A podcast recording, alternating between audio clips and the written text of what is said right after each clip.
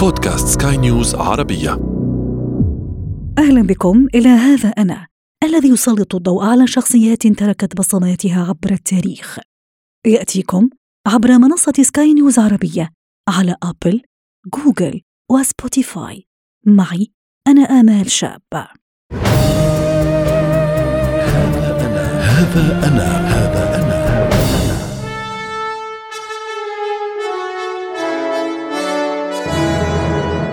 مايفير الراقي وسط لندن.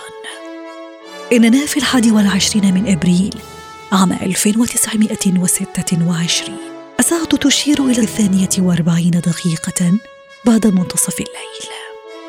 الأمير آلبرت وزوجته إليزابيث دوقا يورك يرزقان بإليزابيث ألكسندرا ماري. في البيت تتلقى إليزابيث مع شقيقتها الوحيدة مارغريت دروسا في التاريخ واللغة والموسيقى تحت إشراف والدتها ومربيتها الخاصة كرافي.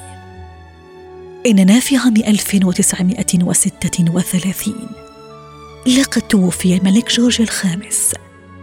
الملك إدوارد الثامن يتنازل عن العرش لصالح أخيه الملك جورج السادس والد إليزابيث. إليزابيث ذات العشر سنوات هي الوريث المفترض ما لم ينجب والداها طفلا ذكرا.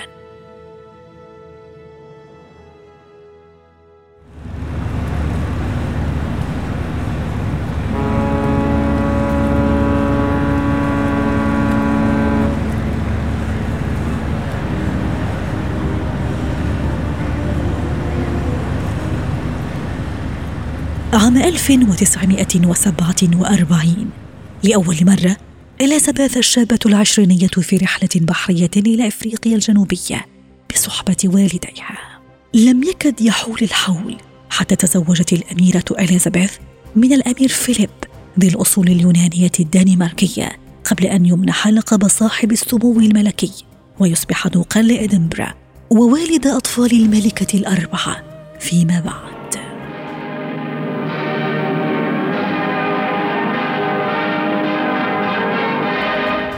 إننا في الثاني من يونيو من عام 1953 في سن السادسة والعشرين إليزابيث تجلس على عرش المملكة المتحدة بعد وفاة والدها الملك جورج السادس. لقد بدأت مرحلة جديدة في عصر الملكة الشابة. أبرز سماتها السلام الذي ستعيشه بلادها وإن شابته غيوم بعض العواصف السياسية والاقتصادية. لعل أبرزها الديون المتراكمة التي خلفتها الحرب العالمية الثانية على بلادها وفشل بريطانيا مع فرنسا في احتلال قناة السويس.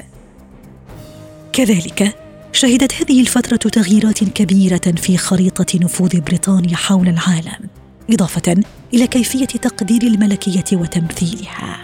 إننا بين عامي 1953 و 1954 إليزابيث ملكة بريطانيا والملكة الدستورية لمجموعة دول الكومنولث تزور عددا من هذه الدول.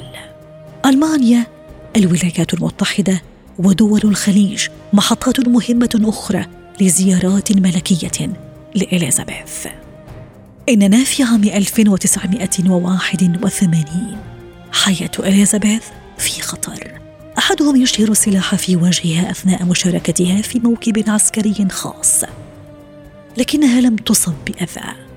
بعد ذلك بفترة رجل غريب يقتحم غرفة نومها في قصر باكنغهام الصحافة تلمح إلى عدم وجود الأمير فيليب أثناء هذا الحادث.